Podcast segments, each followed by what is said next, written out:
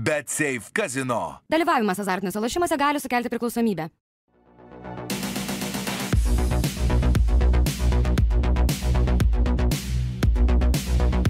Battery. Reach for more.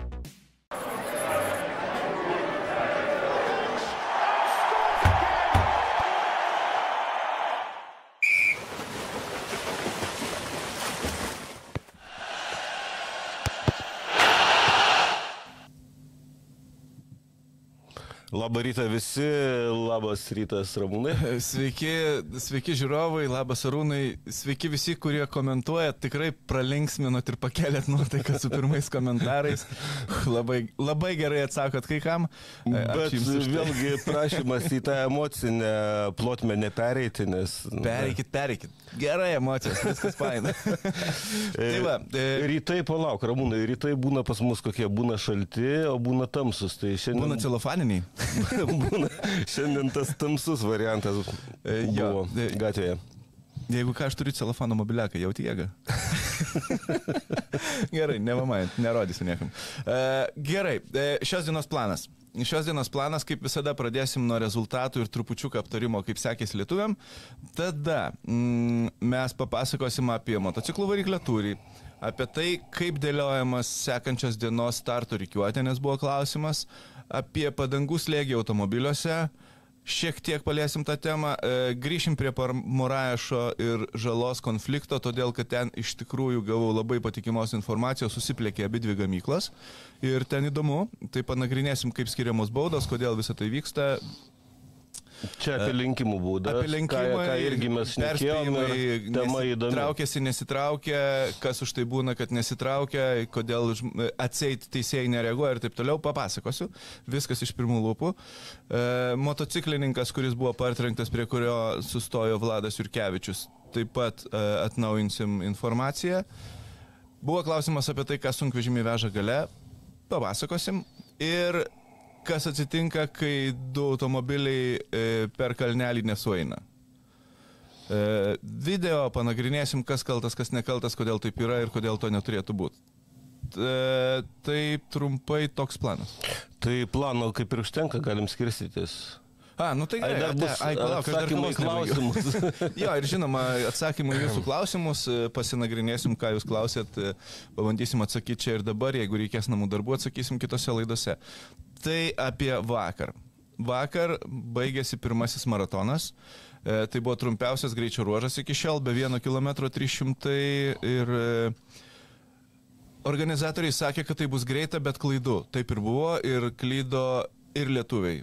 Ir čia po finišo, kaip sakė Žala, šiandien supratau, kodėl moku didelės babkės savo šturmanui. Bet ne visi matyt galėjo pasidalinti. nu, yra tokiais- pi- pigesnių šturmanų, žinai. Taip, taip. Būtent.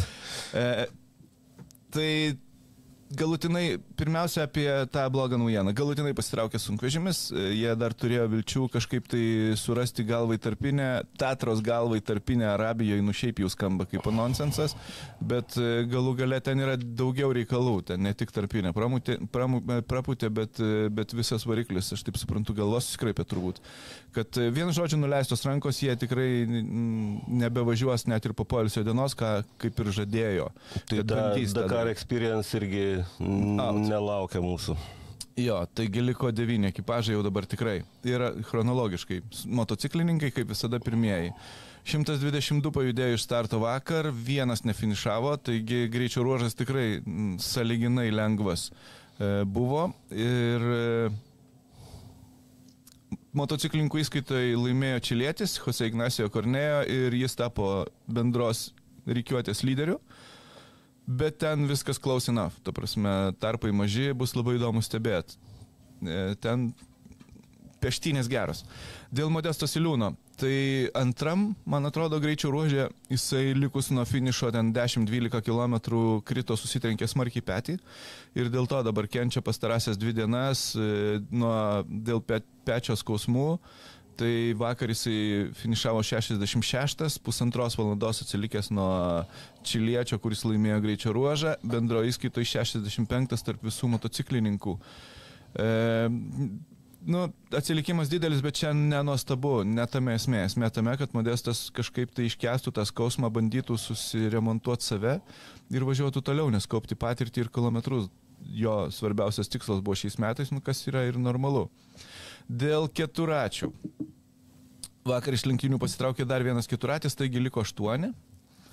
Ir e, tuo pačiu mūsiški natūralu, kad kyla po vieną poziciją aukštyn. Tai Antanas Konopkinas e, vakar finišavo septintas, pusantros valandos atsilikimas nuo lyderio, čia jau valanda su trupučiu tradicija Antano ir turbūt natūralu dėl jo greičio. E, jo keturačio greičio, m, važiavo ramiai savo tempu, e, aišku, motociklas ardosi, nu bet ką darysi. M, nu, jis toks, žinai, ne Yamaha. E, Kiekvieną vakarą daug darbo mechanikam prie jo motociklo, bet vėlgi, motociklas irgi kaupia kilometrus ir kaupia patirtį. Tam motociklui, to gamintojo motociklui, tai irgi pirmas Dakaras ir tai yra natūralu, kad e, niekas nesakė, kad bus lengva. E, Laimiai kabineto vakar liktai Antanas nepaliko nei karto. ir e, tai, tai tas yra svarbiausia, kad jisai pats fiziškai yra ok būsenoj. Nesakau, kad geroj, bet ok būsenoj. Bendroje įskaitoje Antanas 7 nuo Manuelio Anduharo, kuris lyderiauja, atsilieka daugiau kaip 5 valandas. Algut, viskas čia savo vietoje. Laisvėdas Kancius. Panašu, kad e, vakar po finišo, kai kalbėjo, jau matėsi, kad išsikapsto iš savo sveikatos problemų, nes jau ir nuotaika normaliai, jau ir šypsena veidė trupučiuką platesnė, kaip įprasta Laisvėdui. Taigi ir greičio ruožas jam patiko, tiko m, per daug neklaidžiojo, nedaug atsiliko, tik, tik 15 minučių, mažiau netgi, man atrodo, nuo greičio ruožo nugalėtojo, tai yra jau visai nedaug, dėl to, kad prieš tai du greičio ruožus jis atsilikdavo ten po 45 minutės ir panašiai. Tai reiškia, grįžta Laisvidas į savo greitį ir į savo, į savo vėžės. Kaip apmaudu, kai ruošiesi metus tokiam Ir dieną sugadino varžyboje ir, ir turi dėl, dėl sveikatos problemų. Nu, peršalai, temperatūra 3,8,5, nu, tu jokių šansų patempti tokį tempą kaip lyderiai. Kiti mm, aimanuoja lovoje gulėdami nu, tokiam Nu, aplinkybėm. nu, mes įmanuojam sėdėdami ant sofų, kaip sofų komentatoriai kokie. E, mes turim galbūt laisvido komentarą? Turim laisvido komentarą. Pasižiūrėkim, kaip jis atrodė. Tikrai geriau negu, negu prieš tai keletą dienų. Ką, e, dar viena diena įveikta, iš tikrųjų ketvirtas greičio ruožas, e, šiandien e, saliginai neilgas, tik 300 km. Man asmeniškai nebuvo labai sunkus, nes didžioji trasos dalis buvo gan greita, tai, tai gan greit susivažiavo, tik tai pravažiavimus turėjom du, tai ryto 200 km ir vakare dar 200 km, tai tie pravažiavimai tai jau sunku asfaltų kilometrus rinkti. Rezultatai berots preliminariai ketvirtas, tai, tai džiaugiuosi tuo ir, ir ką, ir ruošiam techniką. Vakar daug remonto atlikti negalėjom, nes turėjom tik 2 valandas laiko. Šiandien turėsim daugiau laiko, tai bandysim viską paruošti kaip įmanoma rydienai ir, ir judam toliau. Yeah. Jo, mes kol žiūrėjom Laisvido komentarą, vėl jūs mūsų linksminat savo komentarais, nu, belė kaip gerai. Naujausia informacija apie avariją. Trasoje partrenktas rusas, žmonės nenukentėjo. Gerai, bet esam, kaip matot, Laisvidas, aišku, jis nusivylęs tą vietą, kurioje dabar yra. Nu, tai yra absoliučiai normalu. Ir jis sako, finišavau ketvirtas ir pečius patraukė, kad, tipo, nu, blin, taip, toli nuo lyderių. Netikėta, nesitikėta važiuojant į šį Dakarą. E, Bet e, yra kaip yra. Dabar, žinai, reikia pirštukus sukryžiuoti tam, kad ne tik laisvidui sektųsi, bet ir bent porai žmonių nepasisektų, kurie stovi aukščiau jo. Gerai, va tavo automobilių įskaita. Pagaliau triumfavo Sebastianas Loibas. E, Berots pirmas Hunterio laimėtas greičio ruožas. Ir šiemet. Hunteriai mm, du prizinėse vietose, man atrodo. Jo, ir abu du Hunteriai greiti, tai jau yra jų greičio ruožas. Greita, neužsukta, nesiaura, nes Hunteris toks, žinai, jis turi važiuoti greitai kaip tankas. Bet, žinai, ta Nasero vieta, mes pamatysime tos epizodus, kaip jisai Kaip Kok- pasisekė. kaip ne? jam sekėsi iki šiol iš tikrųjų. Bet Nasero atveju atsilikimas jau didelis nuo lyderių. Jau reikia verstis per galvą, jau dabar yra laikas lėkti. Aš manau, kad jis dar e, laukia MT quarterio, kai prasidės tikros kopos, bet, bet jau Ir ten čia... gali dideli skirtumai atsirasti. Jo, ten daugiau šansų, kad atsiras didelis skirtumas. Žinoma, jeigu tavo naudai, tai kodėl ne? Tai viskas gut. Bet jau reikės rizikuoti. Aš manau, kad Naseras jau pradės rizikuoti. Čia jau nebe, nebėra kur trauktis, jeigu nori laimėti. Uh, Jazidas Alraždės išlieka bendroje įskaitoje lyderis ir čia man yra netikėtumas. Aš Jazido neskaičiau um, kaip stabilaus lenktynininko. Jisai greitas, bet trumpai. Tas iš tų toksai Bet karštakošis. žinai, dar keturi greičio rožai, tai gal Jo, dar nėra, tik tai dar nėra ilgai. Galbūt Jo, dar nėra. galbūt dar nėra. ilgai, Gal dar mano žodžiai Nes pasitvirtins. atrodo tikrai daug laiko praėjo, bet iš tiesų tai dar, na, tik ket- keturi greičio rožai, na, prologas. Man, Jo. Plus. Nu, bet prologas, matai, be, be, be laikų. E, gerai, tai lietuviai. Mm, Greičiausias Vaidoto žala dėl super greičio ruožas, e, super Vaidotui, todėl kad e, super pravažiavo jo navigatorius, Filipai Palmero. Ir čia tikrai buvo navigatorių greičio ruožas. Ir Filipė neklydo, praktiškai neklydo. E, Ir tai reiškia, kad e, Vaidotas žala mm, aštuntas, o bendroje įskaitoje devintas kyla per vieną poziciją. Mhm. Super, labai gerai, labai geras pareiškimas. Svarbiausia, esminis dalykas yra tas, kad žala nedidina atotrukio nuo lyderių. Ta prasme, nedidėja jų atotrukis. Jis išlieka toks pats e, per tą kovinį atstumą, pavadinkim. Tai visos galimybės važiuoti tolyn ir aukštyn. Mes turim Vaidoto komentarą iš karto po finišo, tai jis e, ten pasakys, kad Filipė brangus, bet geras. Jo, ir mane nustebino, koks tikslumas e, prasideda tada, kai navigacija tikrai labai, labai pavojinga klampi. Tai Jo, tau reikia- profesionalumas tada ten laipsniais, kai kampa... jo, beje, galėsim tai aptarti po, po, po rezultatų apie tai, kokie laipsniai ir kokiu kampu važiuoti. Ten yra tokių įdomių niuansų. Bet taip, kai jau prasideda triki navigacija, tikrai sudėtinga navigacija, tada jau tu sakai um, savo vairuotojui, ne važiuok kairiau arba dešiniau, bet tiesiog laipsniais, nes reikia tiksliai idealiai pataikyti važiuojant labai dideliu greičiu. E, Pažiūrėkim Vaidoto žalos komentarą. Au. Lengvesnė diena negu vakar. Visai, visai smagiai praėjo. Šiaip tai buvo šturmano diena. Nes Paulo tikrai sutaupė mums nemažai laiko. Buvo viena labai klaidi vieta. Tai kokias 3 minutės pavarėm iš šoną atgal ir į vietą. Ir po to visai kitoje vietoje sutikau Benediktą blūdient. Jau praleido punktą ir kažkur ratais, kvadratais. Tikrai klaidi vieta. Tai toksai va. Tokiam greičiu ruožė supranti, už ką šturmanai mokė. Tai va, šiaip viskas gerai. Varom į priekį. Šiandien labiausiai džiugino, kaip Pavlos gerai sudirbo, nes visą dieną su tuo laipsnių žaidimu. Jisai man diktuoja, o aš bandau, nes šiaip paprastom dienom tai aš visiškai, jisai savo darbą dirba, jis man tik kairė dešinę, o šiandien jau reikėjo su laipsniais dirbti. Man duoda skaičiukus ir visą laiką. Tai va, bet šiaip tai smagu, kad tokia biški trumpesnė diena, tai toksai, u, galima atsipūsti.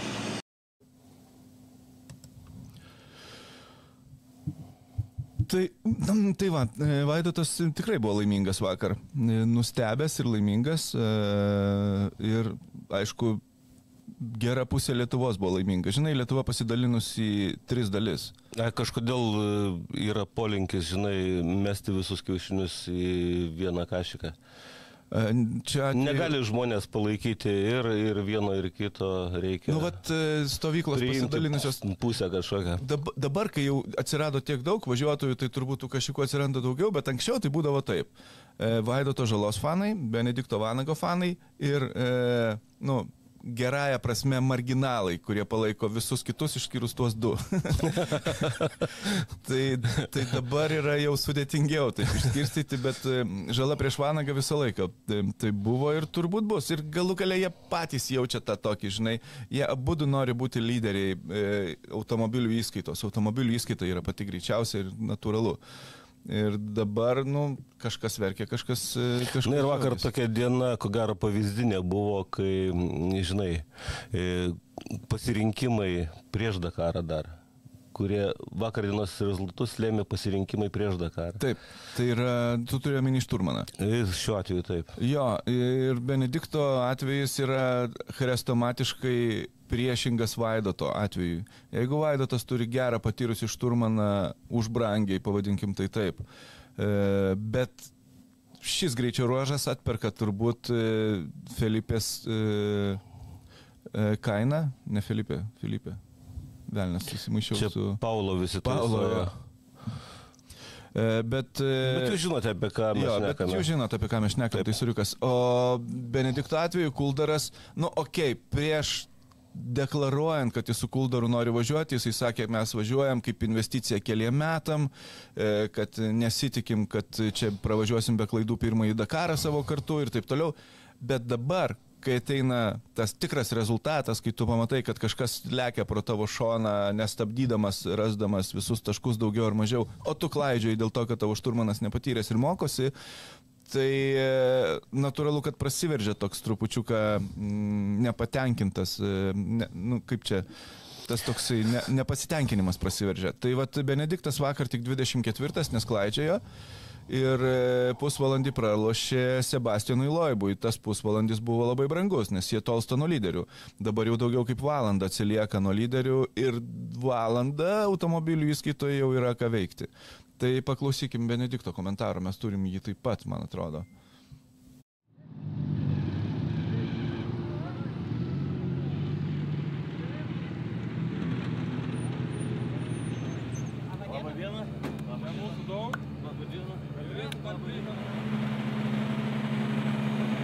Nu, prasta diena šiandieną buvo. Žiauriai daug klydom. Kai finišavom, sakiau, Kuldurai nori pamiršti šitą dieną. Tai sakė, kad ne, aš sakė, aš nenoriu pa- pamiršti, sakė, noriu išmokti iš jos kažką. Tai e, gerai, kad finišė. 300 km neskambėjo kaip kažkas sudėtingo. Ratų nepramušėm, bet, e, bet labai neten važiavom. Tai, bet aišku, greičio ruožas buvo tikrai sudėtingas, tai navigavimo, navigavimo prasme, bet e, toks, e, nu žodžiu, dabar komentarai tokie. I forgot what is our number. Ir man reikėtų vieną, jeigu galima. Gerai. Bet, O, o Indrė.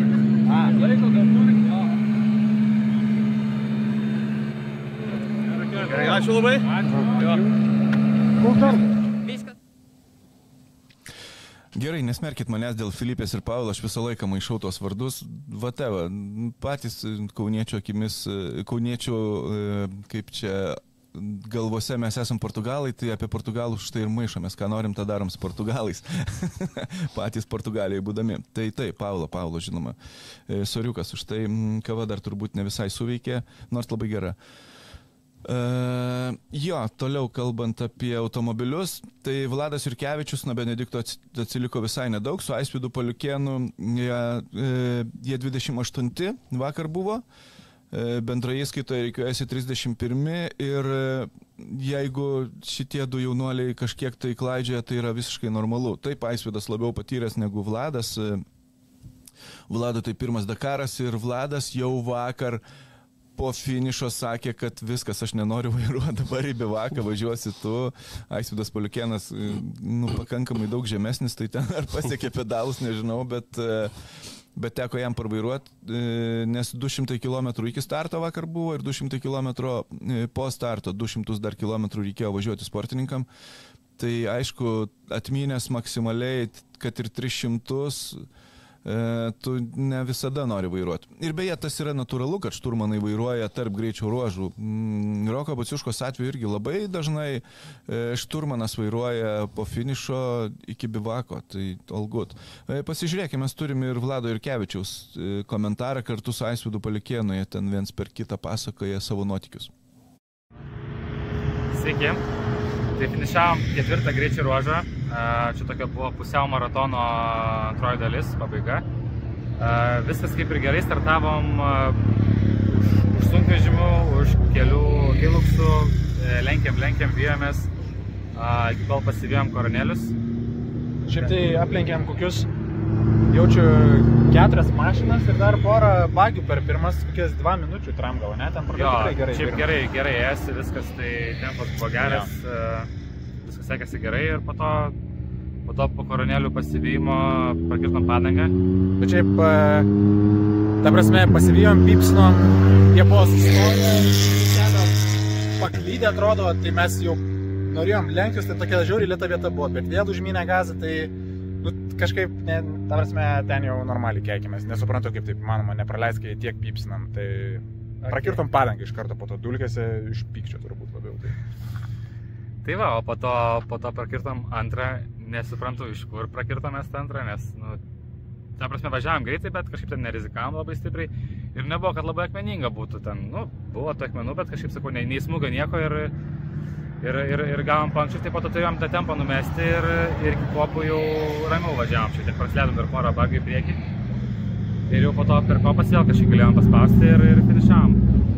Įvertinti visas aplinkybės, kiek turėjom dulkių, kiek turėjom kad turėjom stoti du kartus keisti nebeturėjom gale gyvybių, tai mes esam čia, tai viskas, viskas yra gerai.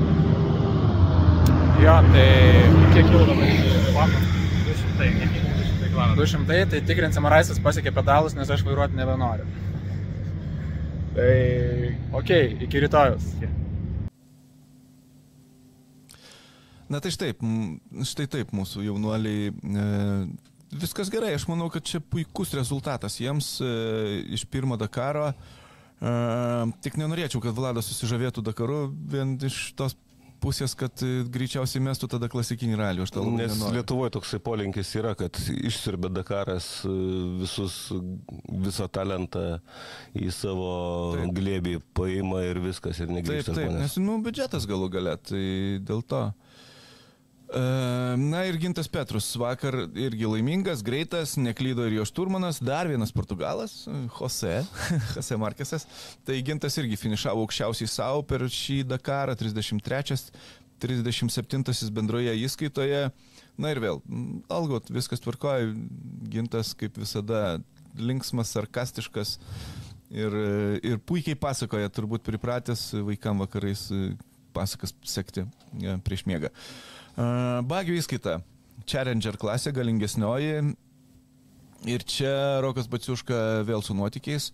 Na, nežinau kodėl, nežinau priežasties, nesu tenai ir nebe, nedirbu su Roku, bet e, ne, nebevažiuoja jis taip tokiu tempu. Tai yra dvi priežastys. Arba kažkas kažkas tai šiaip e, rokui psichologiškai arba turbūt ir tas grūzas, nes tu negali taurusų tempo laikyti, nu negali, tiesiog negali. Mm, Tai yra akivaizdu ir matosi. Dėl to turi rizikuoti, verstis per galvą mm, ir e, iš to išeina pasiekmes kažkokios. Tai vakar vieną kilometrą nuo starto pravažiavęs pramušė pirmą ratą ir tai jau iš karto išmuša iš vėžių, e, tada klydo, tada klaidžiojo, tada galų gale vos neapsivertė, dar ir stabdžiai kažkur tai baigėsi vidury greičio ruožo. Visos bėdos. Visos bėdos iš to, kad reikia važiuoti greičiau negu turbūt gali tavo bagis. Ir keista, nes e, šiais metais dar neturėjom nei vieno greičio ruožo, kur rokas būtų, na, Tarp lyderių. važiuotų savo greičiu. Jo, tai va, už tai ir sakau, turint omeny roko greitį, tai greičiausiai, kad taurusai tiek greitesni, kad tu tiesiog negali važiuoti kartu su jais. Tai rezultatas 9 vieta, 20 minučių minus nuo lyderių ir svarbiausia yra tai, kad minus 2 valandos nuo Eriko Gočalo ir tai jau realiai apie pergalę sudėtinga būtų svajoti, nes ten be Gočalo dar yra Ir dar vienas Gočalas, kuris atsili- atsilieka nuo Eriko labai labai mažai, tai reikėtų, kad daug lyderių pasitrauktų iš lenktynių, o Rokui visą laiką labai labai gerai sektųsi, kas, na, nu, iš principo neįmanoma. Turim Roko intervą, e, tai tegu papasakoja pats, kaip jam ten sekėsi vakar. Buvo, buvo dulkių, pirmas kilometras toks netyčia akmuo atsirado, suvarėm ratlankį, reikėjo keisti ratą.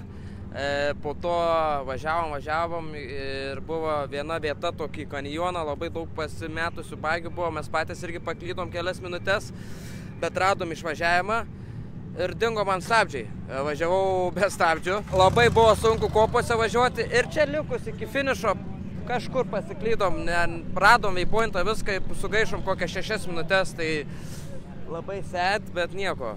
Dar ketvirta diena baigta, e, bagis išgyveno ir dar vos čia neapsiverčiau. Tai čia buvo zuikio dainas, kad apsiverčiau. Tokie kopai ir atmetė labai galą, tai dar būtų šiek tiek porą centimetrų būčiau nusirašęs. Tai bet esam finišę, nu, kas nerizikuoja, tas negeria šampano. Na tai va, Rokas e, dar nerodo savo nusivylimą, bet aš žinau, kad ten viduje yra reikalų. Mm. Nežinau, pasiek, palinkėti sėkmės, tai ne- nepalinkėti nieko.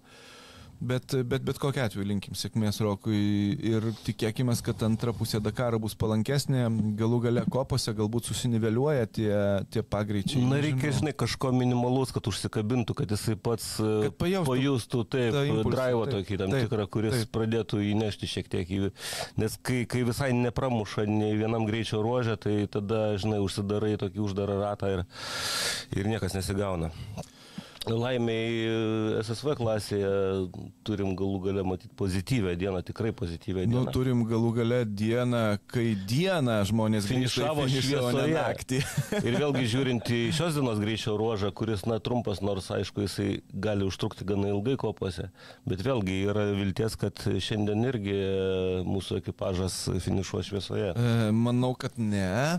Manau, kad bus labai sunku vien dėl to, kad jie pradeda labai vėlai. Ta prasme, kad šiandien bus 526 berots kilometrai pervažiavimo ir tik tada tas trumpasis ten šimto kažkiek tai kilometrų. Jis tik pačioj pabaigoje.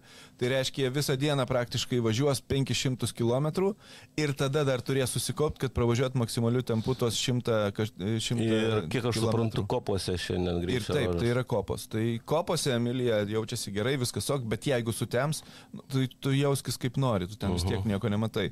Na, bet bet kokia atveju, grįžtant prie vakar, tai jie finišavo 13 vietoje, puikia vieta.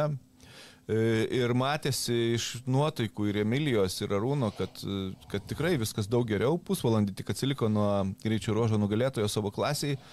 Svarbiausia, kad finišavo, kaip jau sakiau, nesutemus bendro įskaitoj mm, po labai labai nesėkmingo Dakaro, nesėkmingos Dakaro pradžios į 22. Bet, e, bet jo, nutikė viskas pozityviai. Paklausykime Emilijos e, e, įspūdžių po greičio ruožo. Pagaliau finišavom su šviesa, ketvirta diena, manau, sekėsi mums tikrai geriausiai. Mažai kas maišėsi. Buvo pačioj pradžioje, bet ne, ne taip ilgai kaip vakar. Tikrai nesidėjom visą dieną dulkėse, iš vis jokių problemų neturėjom, gaila buvo nedaug. Jo, a, praradom kokias 5-7 minutės naviguojant, nes vieną kartą teko grįžti atgal be reikalo, o kitą kartą nuvažiavam ne ten kokius porą kilometrų, tai gal irgi grįžti. Ir dulkėse labai sunku, iš tikrųjų buvo prieš refuelingą ir po refuelingo daug dulkių ir ten buvo labai painu, nes tu tiesiog niekur nematai, nematai, važiuoji į nieką ir tada dulkės įsisklaido, nebežinai, kur esi, nei kelio nieko nelieka. Tai tas buvo sunkiausia. O šiaip vertinu gerai, džiaugiamės, kad grįžom su šviesa pirmą kartą. Pagaliau. Ir pagaliau galėjom spausti pilną gazą. Pagaliau, pagaliau labai džiaugiuosi.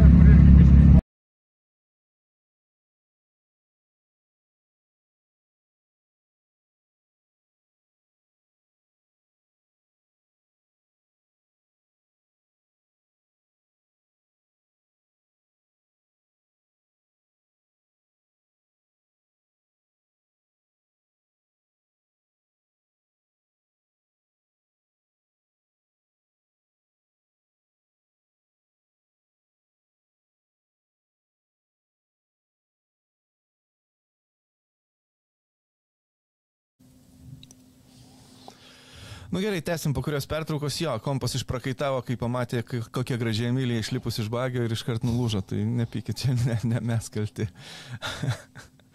Uh, jo, net pamiršau apie ką mes. Ai, mes kaip ir baigėm apžvalgą apie tai, kas vyko vakar. Tai šiandien mm, bus labai sunki diena dėl to, kad ypač tiem, kas važiuoja antroji pusė rykiuotės, e, dėl to, kad 527 km pervažiavimas.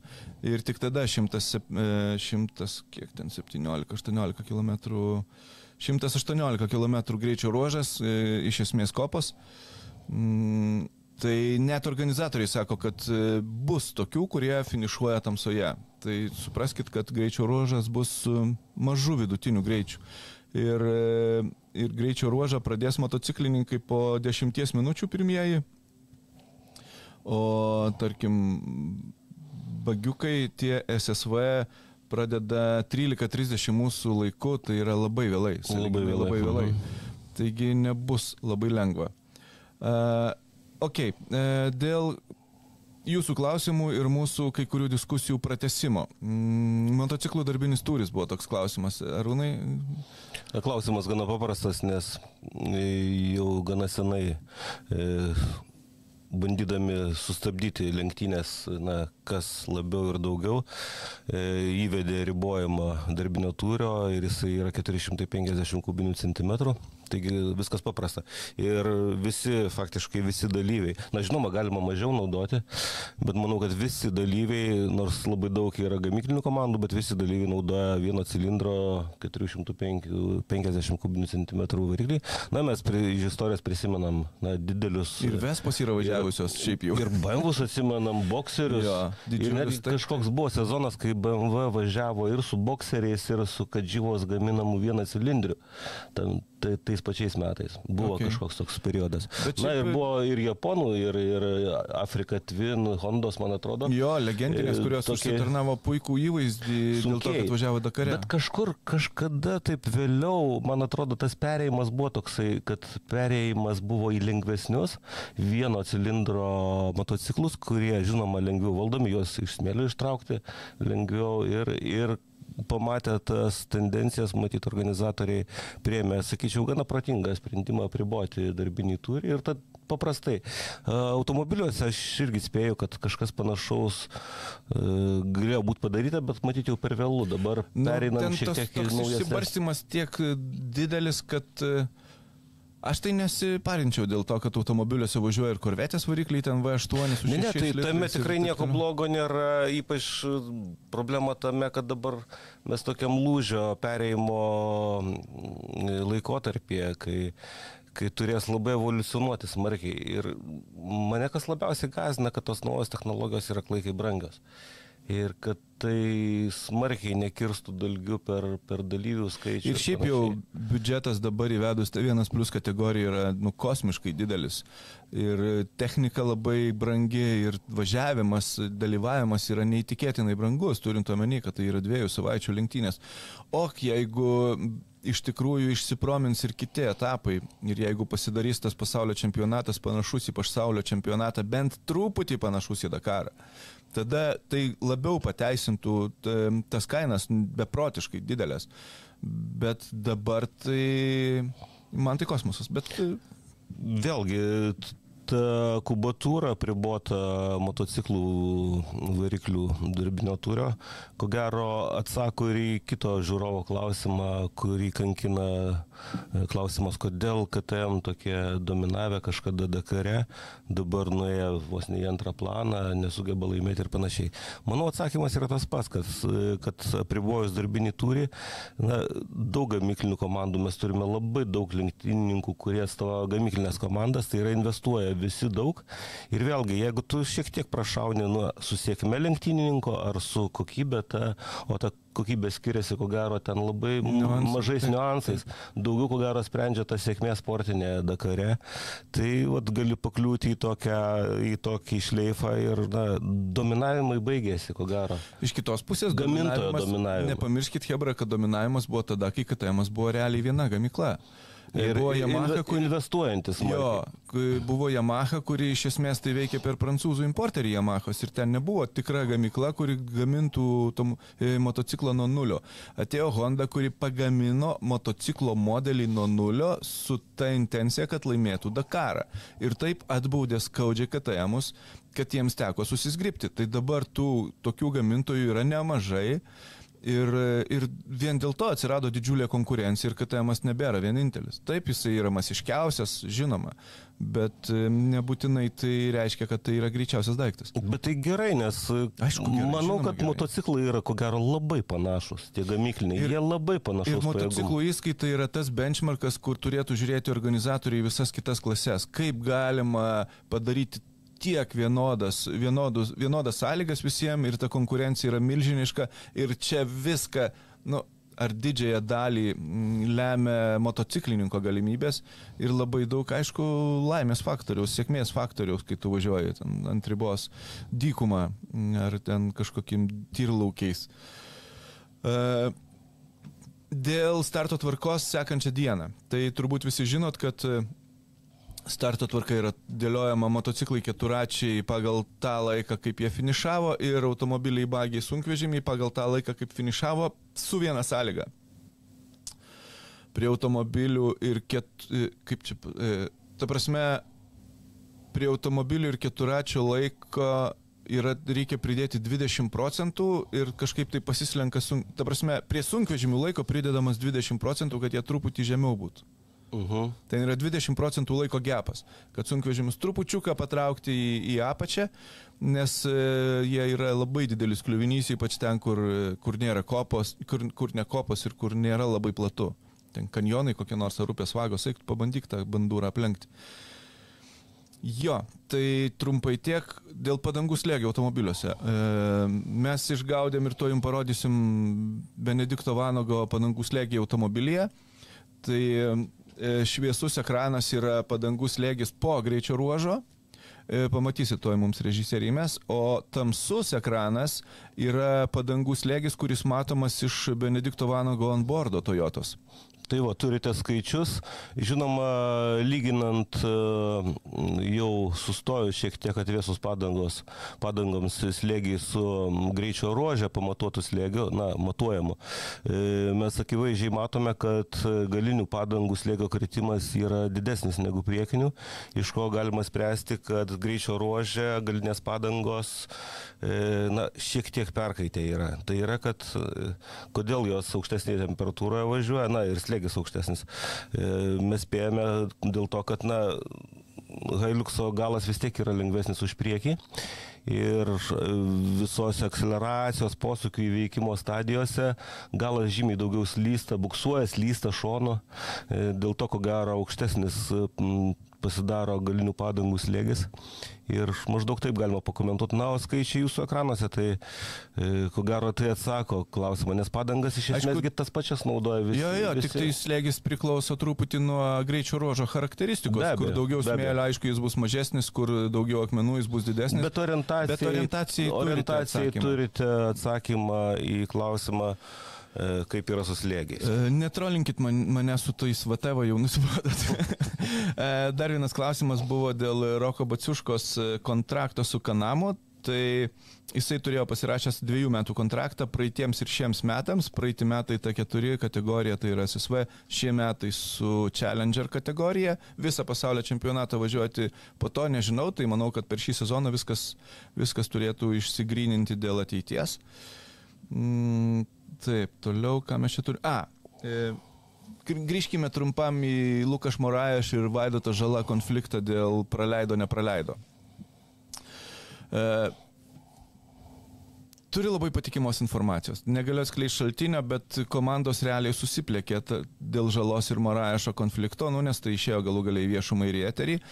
Tai Toyota Lukas Morajašas yra Gazų Racing oficialus pilotas, Vaidoto žala X-Raido ir ten komandos m, turėjo diskusiją. Tai esmė tokia, aš pirmiausia galbūt pasakysiu, kaip sprendžiamas tas Sentinel e, reikalas, kada turi praleisti ir ką numato taisyklės ir tada papasakosiu, kaip buvo su Morajašu.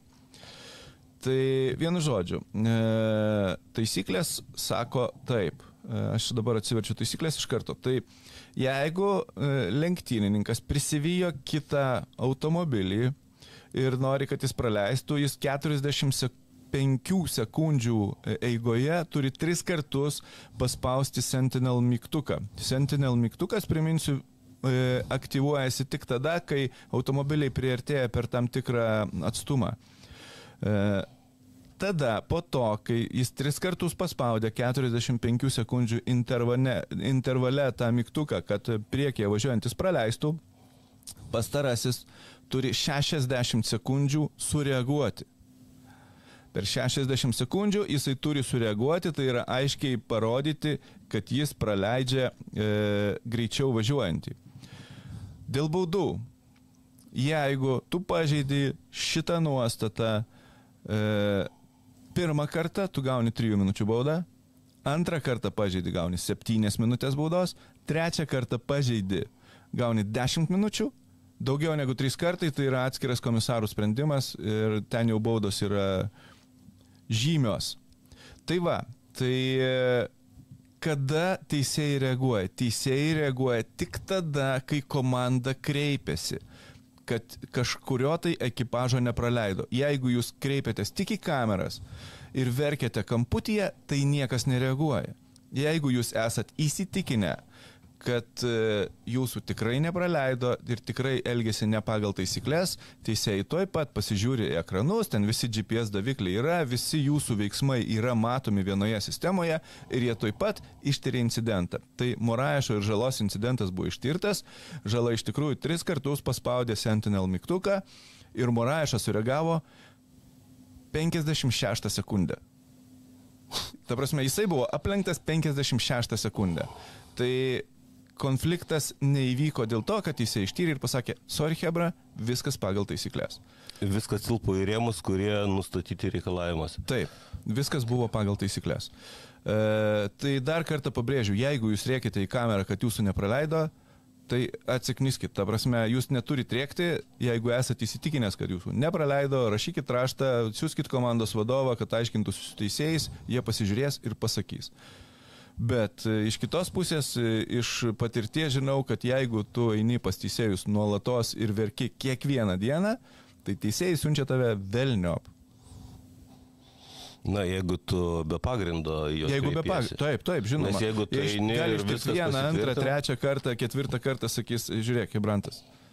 Ačiū, netrukdyk dirbti. Pasiskaityk dar kartą ir, Mm. ir beje, per dieną po kelis atvejus būna, kai teisėjai tenkina prašymus ir nubaudžia tą, kuris nepraleido.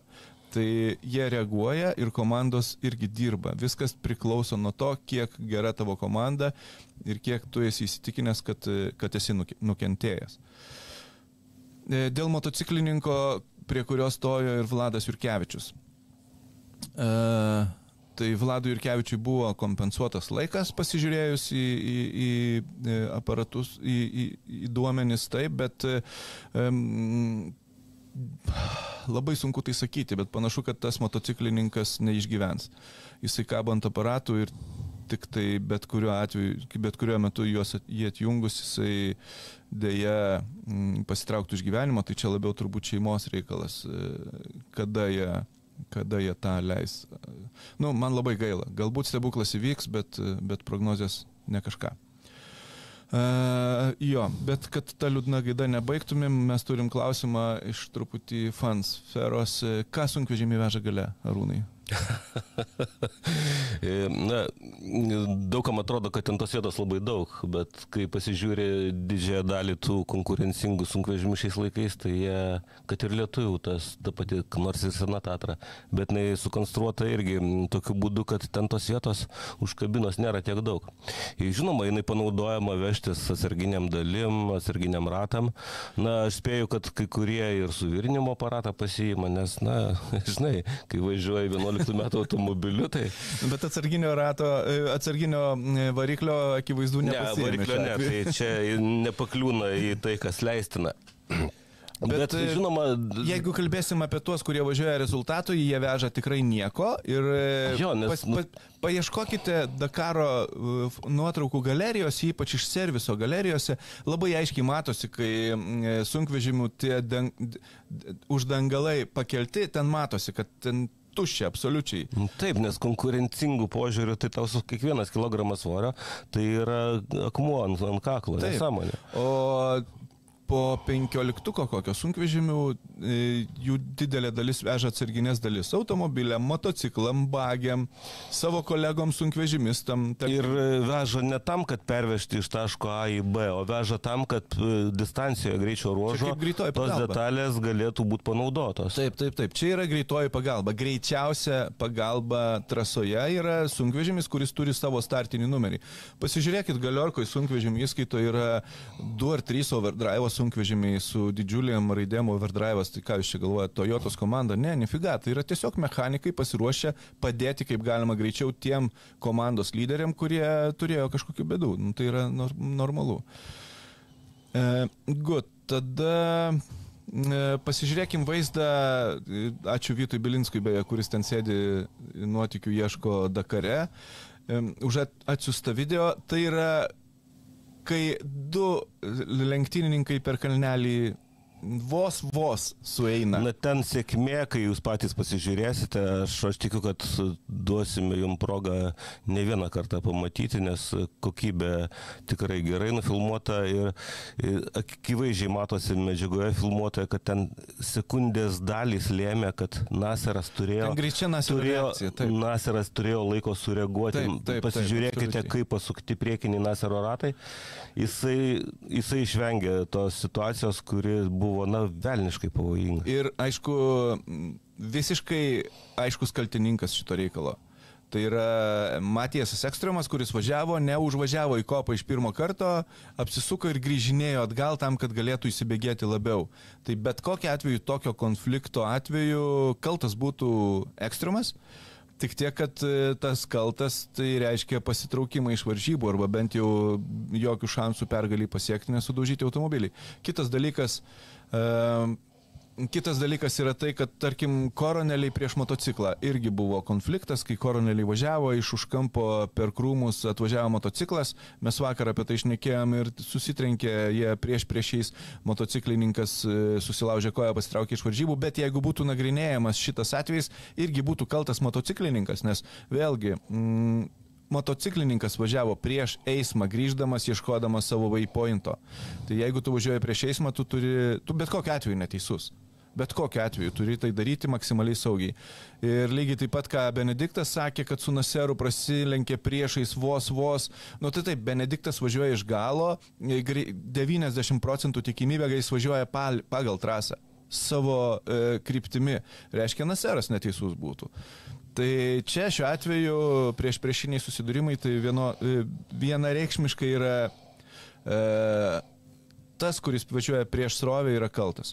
Ir čia tokie, sakyčiau, pavojaus skambučiai, nes mes vat, jau du epizodus e, nufilmuotus turime, o kiek e, praslydo pro liudininkų, taip sakant, akis, e, nepastebėti. Labai tokia tendencija, matyti, organizatoriam reikia galvoti, ką, ką, kokiu priemonių imtis, kad sumažinti riziką tokių būtent incidentų. Taip. Nes jeigu yra pozicionavimas GPS visų automobilių, tai ko gero e, galima tą sistemą pabandyti panaudoti, kad įspėjimas bent jau būtų pilotam, kad yra artėjama. Na, matai, tas sentinelis, jisai reikia cipę, bet, žinai, kai, kai tarkim, ten, kur klaidžioja e, lenktynininkai. Ten gali klaidžioti 3-5 Jo, toje pačioje būna, kad ten žinai. 10-20 Nu. klaidžioja, vaikšto. Nu. E, Marokė, man atrodo, mes į vieną slėnį atvažiavom ir nuo kopos matėsi tokia plynukštė, kur e, keli, keli veipointai tarp tokių krūmynų kažkokių. Tai ten vienu metu važiavo 15 motociklininkų ir tiesiog ieškojo veipointų. Tai jie, įsivaizduokit, ten tiesiog viskas cipia. E, Gerai, buvo dar klausimas dėl 1006 km lenktynių, kiek kainuoja važiuoti su GT3 ir TCR klasės automobiliu. Tai jeigu jūs esat vienas iš keturių, tai nuo... Depends nuo to, kaip susitarsit ir kiek greitas esat, bet jeigu esat e, lėtas ir verslininkas, tai kainuos brangiau, jeigu esat greitas ir nedaug turit biudžeto, idealiu atveju jums nieko nekainuos. Bet taip nuo 10 iki 30 tūkstančių, 35 tūkstančių, jeigu GT3 klasės automobilis. Mm, kažkaip taip. E, Buvo klausimas liktai apie mm, 1988 metų DAFą mm, žiūrovo. A, jo, buvo klausimas, ten yra turbūt tas DAFA su dviem kabinom Aš manau, būtent dviem varikliais. Du varikliai, ten suminis labai didelis galingumas, labai greitas buvo daiktas.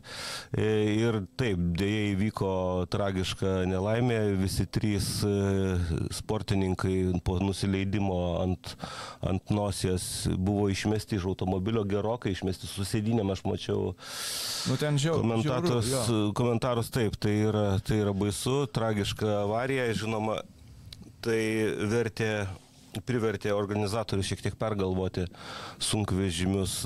Na, apart to, kad jie savo pavojingi, greiti sunkvežimiai, jie velniškai pavojingi aplinkiniam. Jo, nes ta masė didžiulė, milžiniška ir, žinot, sunkvežimių maksimalus greitis tam ir buvo įvestas, e, kad jie nevažiuotų greičiau negu automobiliai, nes buvo tokių atvejų, kai Dakaro greičio ruožuose važiuoja ir lenkia. Pirmi sunkvežimiai, Taip, greičiausiai tada automobiliai. Tai yra kosmosas viskas. Vėlgi, ko gero, daugiau detalių apie tą sunkvežimį keturių ratų žurnale pamatysite. Jo, bet, Tai e, mes neužbėgsim įvykiam už akių. Kas Ta- domitės. Taip jau sutapo, kad mes ruošiam keturių ratų pavasario numerį ir ten bus kaip tik apie tą DAFą su dviem kabinom medžiaga. Tai kas domitės, e, paieškokit kioskose apie kovo pradžią. Ir ką, nu, ką žinau, mes turbūt kaip ir baigiam. E, klausimų daugiau kaip ir nėra. Apie rydienos etapą jau pašnekėjom grubiai. Jo, apie rydienos etapą ne, nepašnekėjom, bet e, apie šiandienos etapą pašnekėjom, kuris dar tik prasidės. Taip. Tai priminsiu, 527 km pervažiavimas, 118 km greičio ruožas. E, lenktynininkai pradeda šitą greičio ruožą tik dabar, pirmieji motociklininkai. E, Ką tik, ką tik išstartavo, va, penki pirmieji, tai mes nieko negalim pasakyti apie tai, kaip čia bus. Ir nepamirškim, kad nuo rytojus mūsų laukia Chrono 48. Kaip kosmiška, kad e, tas greičio ruožas dar neprasidėjo, jau tapo kultiniu. Visi kalba. Tai pažiūrėsim, kaip ten bus ir kaip seksis sportininkam, kaip seksis rasti bivakus, septynis ar aštuonis, kiek ten jų bebūtų vidury dykumos. E, tai va, žiūrėkite mus ir toliau, prenumeruokite, laikinkite, dalinkitės, šerinkite, jeigu prenumeruosite mūsų kanalą šiuo metu, tai tada YouTube'as bus labai laimingas ir iškels mūsų video truputį aukščiau. Ačiū, kad esate, komentuokit, klauskit, bandysim atsakyti viską, ką galim. Čiau. Ačiū, iki pasimatymo rytoj. Bet Safe Casino. Dalyvavimas azartiniuose lošimuose gali sukelti priklausomybę.